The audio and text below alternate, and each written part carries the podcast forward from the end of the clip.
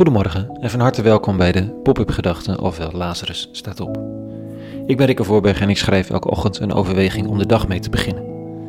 Vandaag met de titel Aan de tekst zelf heb je niks. Pop-up Gedachten donderdag 30 april 2020.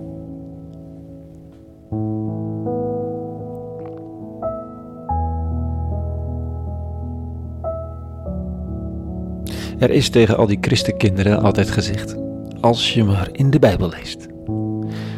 En eindeloos werden ze verspreid, dun druk gesmokkeld door de douanes, met eindeloos veel giften verspreid in hotels over heel de wereld. En je zult maar ergens zijn en zonder zitten. Of eigenlijk is natuurlijk de gedachte: je zit ergens, begint te lezen en dan zul je het licht wel zien. Maar is dat wel zo? Werkt het lezen van die oude teksten wel. Ik doe het elke ochtend, een aantal fragmenten lezen, zoals ze in de katholieke kerken gelezen worden. Maar dat betekent nog niet dat die teksten op zichzelf werken. Ze noemen die verzameling van 66 boeken, gedichten, liedbundels, profetieën, levensbeschrijvingen, geschiedsdocumenten en meer, wel het woord van God, die Bijbel.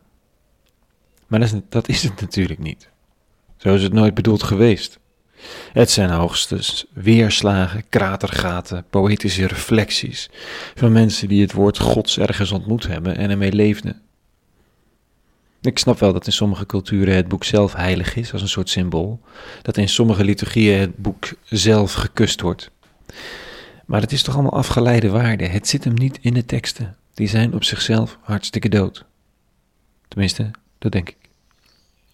Misschien is het daarom dat je in deze ochtendfragmenten zo weinig van de eigenlijke Bijbellezing aantreft. Misschien is die Bijbellezing wel pas interessant als die door iemand heen gegaan is.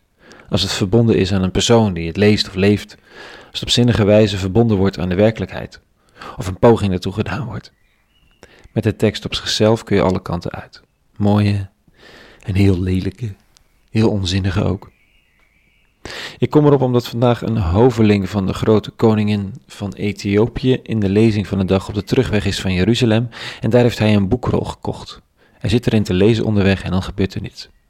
Toen Filippus, leerling van Jezus, er naartoe gegaan was, hoorde hij hem profeet Jezaja lezen. Hij vroeg hem, begrijpt u wat u leest? Maar de Ethiopiër antwoordde, hoe zou ik dat kunnen als niemand mij daarin behulpzaam is? Hij nodigde Filippus uit in te stappen en bij hem te komen zitten. Hoe zou ik dat kunnen, begrijpen wat hij leest, als niemand mij daarin behulpzaam is? Het is een mooi haakje om op te hangen, wat ik al langere tijd ben gaan inzien. Dat het niet de tekst zelf is, maar de geloofwaardige interpreet die je kan inwijden in de tekst. Ik zou niemand die kennis wil maken met het christelijk geloof uitnodigen om die Bijbel te gaan lezen. Het kan wel, maar het is alsof je iemand die muziek wil leren maken een viool en een strijkstok geeft en zegt veel plezier. Hoeveel van hen zullen uiteindelijk komen tot plezier in dat instrument? Goed, ga samen vioolmuziek luisteren. Zoek naar bandjes, orkesten, solisten die op een toffe manier dat instrument bespelen. Zoek naar eenvoudige oefeningen. Ontwikkel liefde voor de manier waarop het instrument in elkaar zit. Dan komen we misschien ergens. En dan nog is het afwachten. Zo ook met die oude Bijbelse teksten. Ze zijn ingewikkelder dan de viool.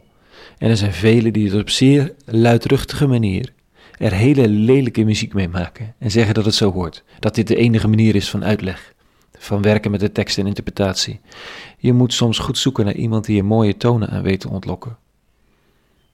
Maar als je die gevonden hebt, dan is die heel veel waard. Degene die ik vond vroeger, Shane Claiborne, Brian McLaren, Stanley Hauer en nog vele anderen, bleken zichzelf ook weer kleine jongens te voelen ten opzichte van anderen die hen hadden geïnspireerd. Via hen maakte ik weer kennis met anderen die de tekst op zeer inspirerende wijze lazen.